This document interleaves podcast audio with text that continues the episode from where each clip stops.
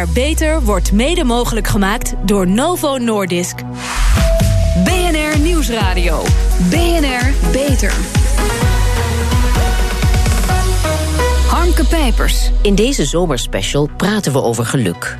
Worden we gelukkiger door af en toe met sabbatical te gaan, af te reizen naar de Malediven of door gewoon thuis te mediteren? En wat zegt de wetenschap over geluk? Welkom bij BNR Beter, het programma voor mensen die werken aan gezondheid. Mijn gasten, Ab Dijksterhuis, schrijver en hoogleraar geluk aan de Radboud Universiteit in Nijmegen. En Nancy Peters, gelukspsycholoog en ambtenaar in de gemeente Schagen. Ja, projectleider geluk. Ja, meneer Dijksterhuis, ik begin met u. U doseert gelukskunde aan de Universiteit van Nijmegen. Vertel, wat mogen wij ons daarbij voorstellen? Van alles. We, uh, we, leren mensen wat ze met hun geld moeten doen, wat ze met hun vrije tijd moeten doen. Uh, we leren ze over het belang van sociale contacten voor geluk. We leggen ze uit wat mindfulness en meditatie met mensen kan doen. Het is een, uh, het is een flinke cursus ook, waar verschillende wetenschappen aan deelnemen. Ja. Het is vrij veel. Maar gelukskunde, dat heet dus nu. Sinds wanneer hebben we dat in Nederland? Of, of hadden we het al, maar noemen we het alleen anders? Uh, ik weet niet sinds wanneer we dat hebben. Wij doen het inmiddels een aantal jaren en we zijn niet meer de enige. Uh, ja. Nee, ik geloof niet dat het een, een, woord was wat in de jaren 60 of 70 op een curriculum te vinden was. Nee. Ik heb begrepen dat u de geluksprofessor wordt genoemd. Maar u bent de enige niet, want er zijn er meer van in Nederland. Waarin onderscheidt u zich van de collega geluksprofessoren? Nou, sowieso de echte geluksprofessor vind ik Ruud Veenhoven, want die doet al 40 jaar onderzoek naar geluk. Mm -hmm. uh, maar goed, ze noemen mij inderdaad ook zo, waarin ik me onderscheid. Nou ja, ik heb een populair wetenschappelijk boek geschreven over geluk, dat door veel mensen gelezen is. En dat hebben de anderen niet gedaan. Ah ja.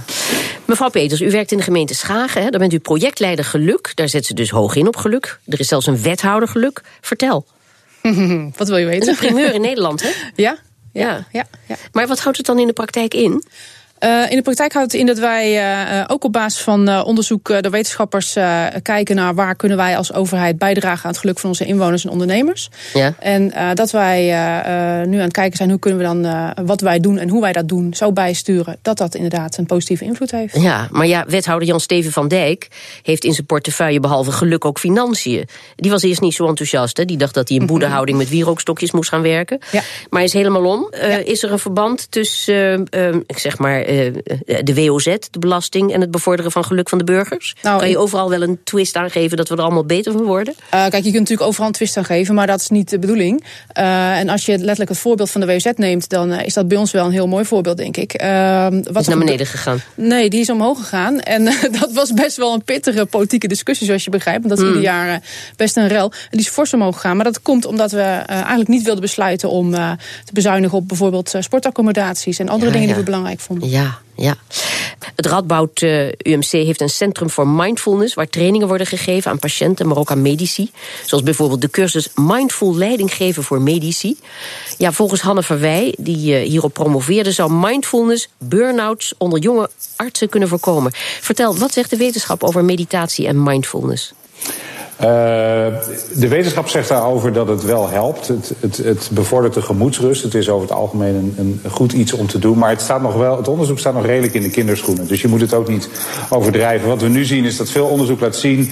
Je kunt het vergelijken met aspirine. Je geeft duizend mensen aspirine. En dan laat je zien dat de gemiddelde hoofdpijn omlaag gaat. Maar we, weten, we weten dat 950 van die mensen. die hadden al helemaal geen hoofdpijn. Uh, voordat het experiment begon. Nou, dat is met mindfulness ook een beetje zo. We weten inmiddels best dat het positieve effecten heeft. Maar voor wie en of dat echt wel voor iedereen is. dat is iets wat we de komende Ja. tien jaar goed moeten uitzoeken. Ja, maar en mediteert u, of voor het geval dat woord braakneigingen bij u oproept... doet u iets wat we mediteren zouden kunnen noemen? Uh, nee, ik heb wel een. Ik heb ooit puur uit interesse een soort inleidende zen-meditatiecursus gedaan. Dat is al een hele tijd geleden. En toen heb ik wel een tijdje gemediteerd. Maar. Nou ja, ik zeg wel eens lachend tegen vrienden die dat wel doen: van ik mediteer niet, want stel dat ik nou nog gelukkiger word. Dat vind ik veel Ja. te vermoeiend. Ja, waarschijnlijk wel. Dit centrum in het uh, Radboud UMC is, is niet alleen voor geluk, hè, maar voorkomt stress en burn-out. Zijn er andere wetenschappelijke inzichten die uh, wat dat betreft waardevol gebleken zijn om het brein leeg te maken en stress te verminderen enzovoort? Ja, er zijn, zijn natuurlijk de, hele, de simpele klassieke voorbeelden. Op reis gaan, vakanties houden. Dat, dat is nog altijd de beste poetsvrouw om door je, dat is een beetje seksistisch, poetsman mag ook, om, je, om, je, hè, om dat brein inderdaad weer, weer leeg te maken en, en op te laden voor wat daarna komt. Daar kom ik zo op. Eh, ik ga even naar mevrouw Peters. Want u heeft een boek geschreven, Het Geheim van Geluk. Niet voor niets gebruikt u het woord geheim in de titel. Hè. U geeft tips om gelukkiger te worden. U ontsluiert het geheim. Maar vertel even, kort, uh, wat, wat, zou je. Het moet, moet gaan leiden tot een sneeuwbaleffect. En dat is geluk. Wat, wat zou je kunnen doen? Wat moeten we er allemaal voor doen? Nou, om te beginnen is het belangrijk dat je iets doet wat bij je past. Uh, zoals Appel zegt, uh, en zoals we net in de rapportage ook hoorden... het een past wel bij de een, het ander niet mhm. bij de ander. Um, maar uh, je zou bijvoorbeeld kunnen denken aan het versterken van je relaties... of meer dingen doen waar je energie van krijgt. sommige mensen ervaren meer geluk als zij dankbaar zijn. En het kan soms ook heel goed werken om iets voor iemand anders te doen. Ja. U geeft ook workshops aan bedrijven. Hè? Ja. Wat hoort u daarvan terug? Wat voor effect heeft dat op die bedrijven? Uh, mensen vinden het vaak heel erg uh, gaaf om te doen. En uh, zijn heel positief. En blijken ook achteraf nog wel echt wel, wel daar wat mee te doen. Dus dat is wel een, mooie steen in de vijver die je dan kan Ja, en heeft het ook zakelijk gezien resultaat? hangen die bedrijven daar nog wel eens een bedragje aan? Van het scheelt in ziekteverzuim of weet ik veel wat? nou, niet dat ze met mij communiceren. Ja, dat zou, je, zou je natuurlijk wel leuk vinden. Och ja. ja. In uw boek heeft u het over een vijf-stappenplan. Ja. Wat raadt u ons, de doorsnee gelukzoekers, zou ik maar zeggen wat raadt u ons aan? Nou, ik noem je net al een aantal dingen waar je gelukkig van zou kunnen worden. Maar doe vooral wat bij je past. Hè. Uh, en kijk of je daar een gewoonte van zou kunnen maken. Bijvoorbeeld, uh, vind je het misschien leuk om uh, iets te doen voor iemand anders? Nou, mm -hmm. maak daar dan een gewoonte van. Ja. vind je het fijn om goede vriendschappen en contacten te hebben? Haal je daar veel energie uit? Zorg dan dat je daar voor jezelf een gewoonte in, in creëert. Oké. Okay. Meneer Dijksterhuis, uh, Nederland staat op de zesde plaats in de lijst van de gelukkigste landen ter wereld. Dat staat in het World Happiness Report uit 2017. De Nooren zijn het gelukkigst. Ja. Bent u al in Noorwegen geweest om daar kennis van te nemen? Uh, ik ben wel eens in Noorwegen geweest, maar niet sinds de nieuwe lijst uit is gekomen. Oh ja, maar uh, heeft u daar toch iets gezien waarvan u denkt dat, dat doen ze daar beter dan in Nederland? Nou, laten, laten we vooropstellen dat de verschillen tussen die, uh, tussen die nou pakweg top 10 landen, is, die verschillen zijn niet zo groot. Mm -hmm. wat, wat sommige Scandinavië. Denemarken heeft heel lang op één gestaan, staan nu volgens mij op twee, nu staat Noorwegen op één. Wat ze in ieder geval heel goed doen is, uh, en dat gaat in Nederland nu ook beter, zijn die ouderschaps- en vaderschapsverloven en zo op het moment dat er een kind geboren wordt. Sabbaticals, mensen een tijd lang de vrijheid geven om wat anders te doen, blijkt ontzettend belangrijk te zijn. Ja. En voor de rest, en dat is ook geen toeval, uh, zie je dat de kwaliteit van de overheid uh, als het gaat tussen verschillen, tussen, verschillen in, in geluk tussen landen, als je die wilt, wilt verklaren, de kwaliteit van de overheid is ontzettend belangrijk. En dat, dat, doen, dat doen wij in Nederland. Wij mopperen wel op onze overheid, mm. maar dat is eigenlijk onzin, want ze doen, ze doen het hartstikke goed in Den Haag. Ja. Nou, de Noren doen dat eigenlijk nog net ietsje beter. Ja. Het is een hele goede overheid. Dat zwangerschapsverlof voor die mannen, hè? Dat, dat, uh, daar gaan we nog eens een keer lekker uh, over praten in, uh, in dit programma. Want uh, mannen die moeten dat zwangerschapsverlof ja. ook hebben, dan vormen ze oxytocine en dan worden ze ook aardiger in hun werk en, enzovoort. Zou er iets in zitten? Uh, daar zou, best iets, er zou best iets in kunnen zitten. Ja, ik denk he? dat de voordelen uh, voor mannen om er een tijdje uit te gaan... Dat, die, dat, dat dat meerdere voordelen zijn... en dat die echt niet allemaal met het hormoon oxytocine te maken hebben. Nee. Je, je, komt ook gewoon tot rust, je wordt creatiever... Dat als je gewoon een tijdje wat anders doet. Maar het, het, het blijkt gewoon wel dat het, dat het hele uh, heilzame effecten heeft. Oostenrijk is er een paar jaar geleden mee begonnen... met, met mm -hmm. echt een veel ruimere... Uh, veel ruimere verloven. En die zijn op die gelukslijst ook in één keer die, die top 10 binnengestuiterd, als, nou. ik het, als ik het uh, goed heb gelezen. Dus dat, ja, dat, dat uh, en je kunt niet helemaal zeggen dat het alleen daardoor komt natuurlijk. Maar dat soort dingen zijn wel echt heel erg goed. Ja. Sabbaticals, mensen andere dingen laten doen, ja. Oké. Okay. Ja, uw geluksgewoonte is dus reizen. U begon er al over. U bent er heel stellig in, hè? Want de titel van een van uw boeken luidt... Wie niet reist is gek, waarbij niet tussen haakjes staat. Dus gek ben je altijd. Maar vertel, wat doet reizen met u? Iets, wat, wat verdient navolging? Uh, Um, nou, reizen maakt mij, het inspireert mij tot, tot nieuwe ideeën. Het maakt me creatiever. Uh, het, het, uh, het, het zorgt ook nog voor allerlei prachtige herinneringen. Een van de mooie dingen van reizen is dat, dat het ons een prachtige illusie voorspiegelt eigenlijk. Uh, kijk, als je 16 uur opgevouwen in een bus zit, dan is dat helemaal niet leuk. Maar op het moment dat je aankomt in een of ander bergdorp, dan, dan op dat moment dan kijk je er al op terug alsof het een of andere fantastische, heroïsche ervaring is. En daarom uh, zorgt reizen vaak voor een, uh, voor een geluksgevoel. Zeker achteraf. Ja, maar we weten maar wel, ik heb begrepen dat vrij, het... vrij helder. Als je... Ja, want ik heb begrepen dat het bij u toch ook een, een kwestie van ontregeling is, hè? Ja, zeker de inspiratie en de, ja, de inspiratie en de creativiteit die komt vooral van het uh, ja, van het, je, je, hele, je referentiekader omgooien. Dus, ja. uh, dus, dus loop een uur door Calcutta en, uh, en je krijgt zoveel prikkels en zoveel nieuwe indrukken. Voor mij zijn die heel erg belangrijk. Om te ja. schrijven, om na te denken, om nieuwe, nieuwe dingen te verzinnen. Ja. ja. u vertrekt binnenkort naar Oeganda. Hè? Ja, de eenvoudige, wat minder veel is. En de gelukzoeker die zal wellicht denken, wat een armoe. Als je om gelukkig te zijn helemaal naar Oeganda moet. Maar vertel, wat gaat u daar doen? Nou, ik ben thuis ook gelukkig hoor. Alleen als ik op reis ben, ben ik nog net iets gelukkiger. Ja. Ik ga uh, met, mijn, met mijn partner en mijn zoon uh, van de wildernis genieten. We gaan, we gaan, uh, we gaan apen bekijken. We gaan, nou, we gaan ook, ons ook ontspannen, maar door de jungle lopen. Van alles. Oké, okay. zeg, veel plezier daarmee. tot slot, heb u nog een advies ja. of een gelukwens voor het nieuwe jaar? Um, nou, ik, we hebben nu in de wetenschap een, een, hele heldere top 3. Wat moet je doen met geld dat je niet nodig hebt voor je eerste levensbehoeften? Eén, mm -hmm. maak anderen gelukkig. Twee, koop ervaringen en geen spullen. En drie, koop tijd. Dus doe de, ding, doe de dingen die je niet meer wil doen, koop die af. En als je dat onthoudt, dan, uh, dan, dan kun je inderdaad met weinig middelen al een behoorlijk stuk gelukkiger worden. Oké, okay. en mevrouw Peters, u bent niet zo'n wereldreiziger, hè? U trok uw neus op. nee, ik, ik, ik hou er weer niet zo van. Dus doe nee. wat, je, wat je past, hè? Nee. Heeft u ook nog een advies of gelukswens voor het nieuwe jaar? Nou, ik zou uh, zeggen, uh, kijk inderdaad vooral of je wat kan doen voor andere mensen. Kan je wat bijdragen aan het geluk van anderen. U hoorde Nancy Peters en Ab Dijksterhuis over de wetenschap achter geluk.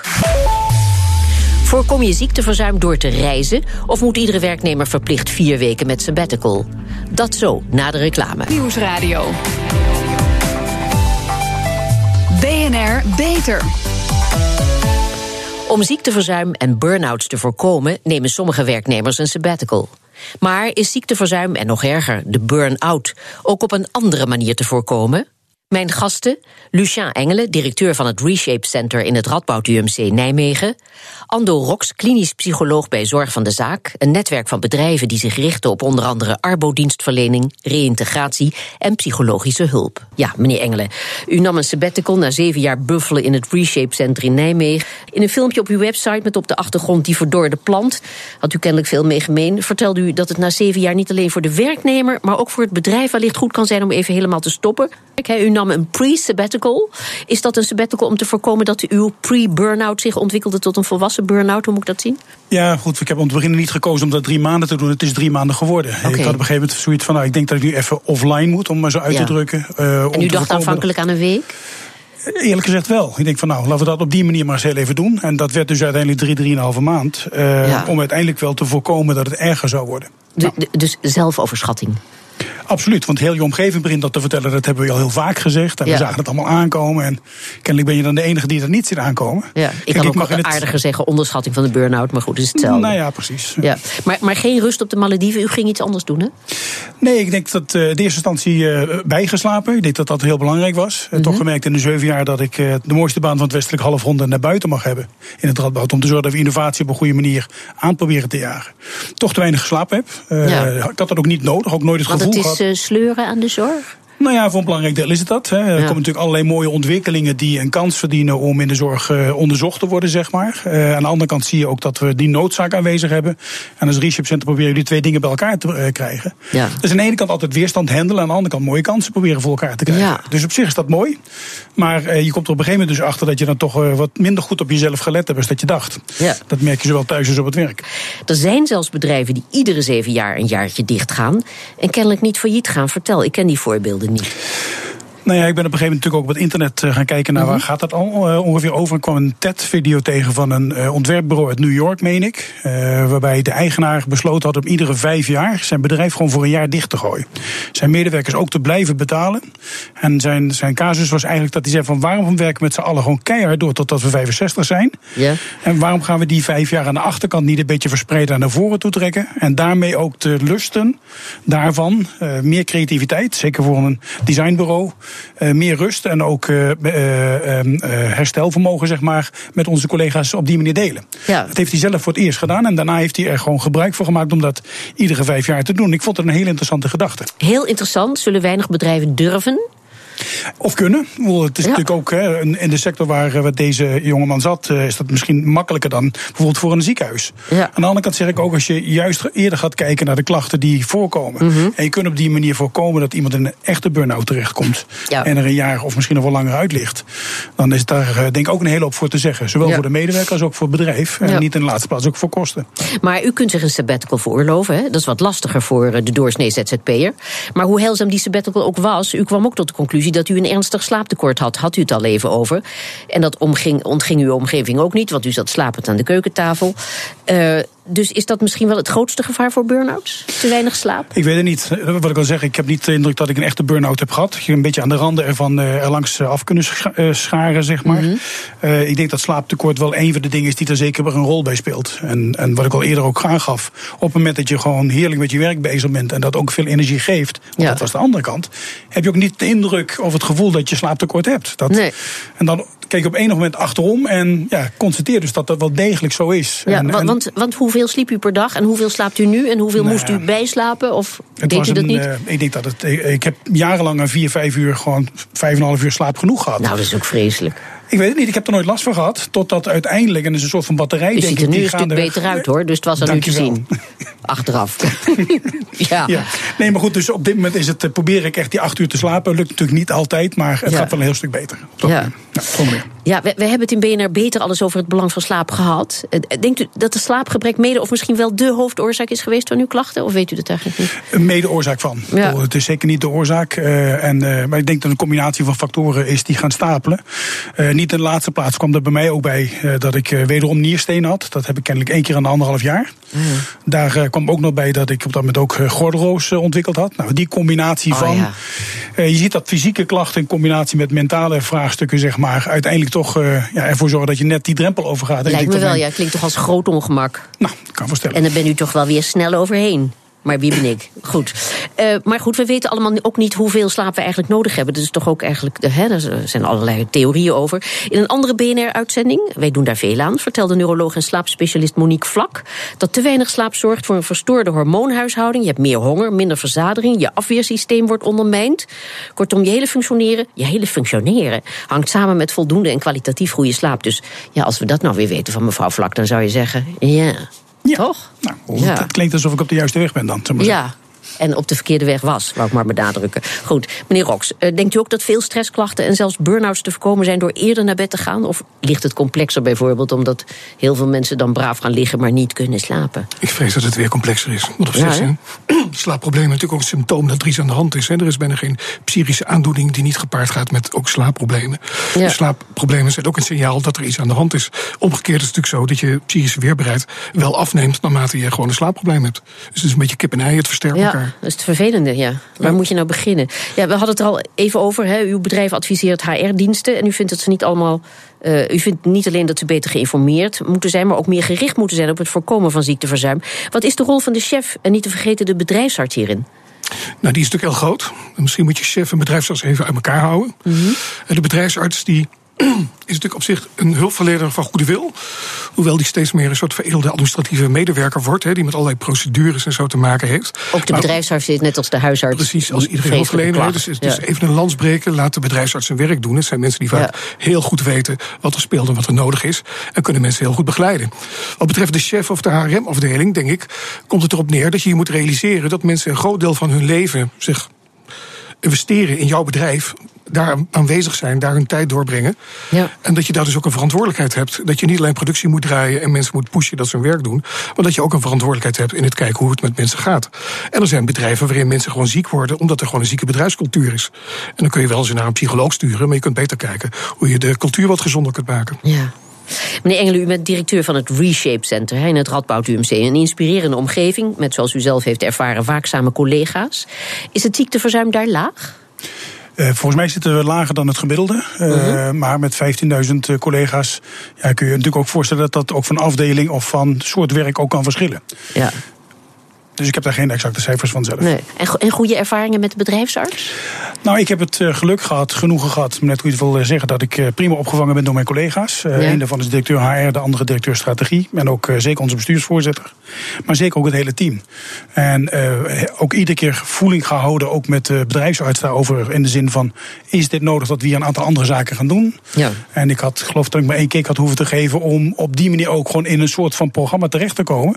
Het is niet nodig geweest, omdat nee. het gelukkig, om maar zo uit te drukken, op een andere manier ook oplosbaar was. Uh, op een manier die mij paste en die voor iemand anders misschien helemaal niet past. Hè. Dat is, ik vind ook dat dit juist een stuk maatwerk zou moeten zijn. En dat het niet alleen maar standaard programma's moeten zijn die, uh, de, de, uh, die soort van keuzemenu terechtkomen. Ja, meneer Rox, een, een sabbatical zoals we die nu kennen, hè, langdurig nogal. maar wat u betreft hoeft dat geen jaar te duren. Moeten we het begrip sabbatical herdefiniëren? Nou, ik denk dat het altijd goed is als je een situatie creëert waarin je even afstand neemt van je vaste patroon. En of dat nou drie weken is, of drie maanden, of zes maanden, dat maakt in wezen niet uit. Het is belangrijk dat je nadenkt hoe je die tijd wil benutten. En of het je helpt om de sleur waarin je in zit en het automa automatisme waar je in zit, om dat te doorbreken. Ja. Heeft u voor zichzelf een, zich een idee gevormd van als u dit overkomt, wat u dan gaat doen? Nou, ik heb natuurlijk de illusie dat ik het kan voorkomen. Maar dat heeft natuurlijk iedereen die het overkomt. Welkom bij de club. Precies. Ja. ja. Ik denk, ja, wat ik vooral geleerd heb de afgelopen tijd... is dat uh, heel veel mensen die vastlopen met psychische klachten... zitten de hele dag na te denken. Dus het laatste wat je moet doen is met mensen gaan nadenken over hoe het komt. Wat je vooral moet doen is zorgen dat mensen gaan bewegen... en andere dingen gaan doen. Ja. Dat ze gewend zijn om te doen. Andere golflengtes. Ja. Ja. En uh, Lucien Engelen, ja, golven, hè, dat heeft uh, de ogen geopend. Heeft zeker geholpen. Knikkeren absoluut. voor, uh, wat was het ook weer, bejaarden? Voor volwassenen zei ik, ja. Oh, bejaarden, ja. met een dank afgenomen wordt. Maar, ja. Nee, maar het mooie is natuurlijk wel dat je weer met iets heel nieuws bezig bent... waar je ook zelf de grens het opzoeken bent... en ook op een andere manier mee bezig bent. En dat vraagt ook veel van je aandacht. Dat ja. leidt ook weer af. Je bent buiten. Uh, met dat je een, een, rondje gaat lopen... dan ben je al gauw twee of tweeënhalf uur buiten, ja. in de buitenlucht. En je bent ook uh, bezig met meerdere mensen daarin. Ja. Uh, ja, ik heb dat voor mij in ieder geval als erg positief ervaren. En ik ja. kan dat, dat gaat iedereen aanbevelen. Maar ga je nu vaker een pauze inlassen? Ik denk het wel. Uh, niet alleen voor mijzelf, maar ook daar in het team natuurlijk na te kijken van hoe kun je niet alleen de signalen beter herkennen zelf. Hoe kun je ook maatwerk maken om te zorgen dat je dat kunt voorkomen voor anderen. En dat vind ik wel een heel interessante om die balans te zoeken. Vind ik ook. Horen misschien nog weer eens wat van. Hartelijk dank, Lucien Engelen en Ando Rox. Onze zorgredactie speurt naar interessante medische innovaties binnen en buiten de muren van de universiteit. Waar werken ze aan in die universiteit? En wat moeten wij hierover weten? Kelly, een nieuwe techniek voor longtransplantaties? Ja, dat gaat om een nieuwe doorbloedingsmachine. Die techniek, de ex vivo longperfusie, zorgt dat er meer longen geschikt gemaakt kunnen worden voor transplantatie. En dat is nodig, want een kwart van de longen van de geregistreerde donors is dus niet goed genoeg. En artsen hopen dat percentage met deze techniek op te krikken naar 75 procent. Zeg, en waar is deze nieuwe machine ontwikkeld? Nou, media schreven dat deze nieuwe doorbloedingsmachine in het Erasmus MC in Rotterdam is ontwikkeld. En daardoor lijkt het alsof zij hierin pionieren. Nou, dat is deels waar, maar deze nieuwe techniek is in het UMCG in Groningen ontwikkeld. En het Erasmus MC werkt hier dus aan mee. Maar het meest opvallende aan dit bericht is dat de Nederlandse transplantatieteams zich uit pure noodzaak suf innoveren, omdat er te weinig donors zijn. En dat betekent in de praktijk dat patiënten die een nieuwe long het hardst nodig hebben, vaak al sterven terwijl zij op de wachtlijst staan. We luisteren even naar longarts Rogier Hoek van het Erasmus MC in Rotterdam. Wat we hebben gedaan de afgelopen jaren als longtransplantatieteams, zijn we genoodzaakt om steeds meer donoren die eigenlijk niet meer binnen de standaardcriteria maar eigenlijk daar buiten vallen. Mm -hmm. En dat zijn eigenlijk de standaard donoren ge ge ge geworden. En daarmee weten, de, weten we ondanks dat dat wat slechtere donoren zijn, dezelfde resultaten te boeken. Ja, nieuwe donoren zijn dus nog steeds heel hard nodig. Dus een oproepje, u kunt zich aanmelden als donor op donorregister.nl. Ja, dat is altijd weer goed, zo'n oproep. Dankjewel, Kelly Nijhoff. Tot zover het beste van BNR Beter. Meer horen? Ga dan naar de BNR-app, iTunes of Spotify... en luister de leukste podcasts terug... onder een palmboom in je luie vakantiestoel, in een hangmat... of gewoon thuis, in bed. Ik ben Harmke Pijpers. Graag tot een volgend spreekuur.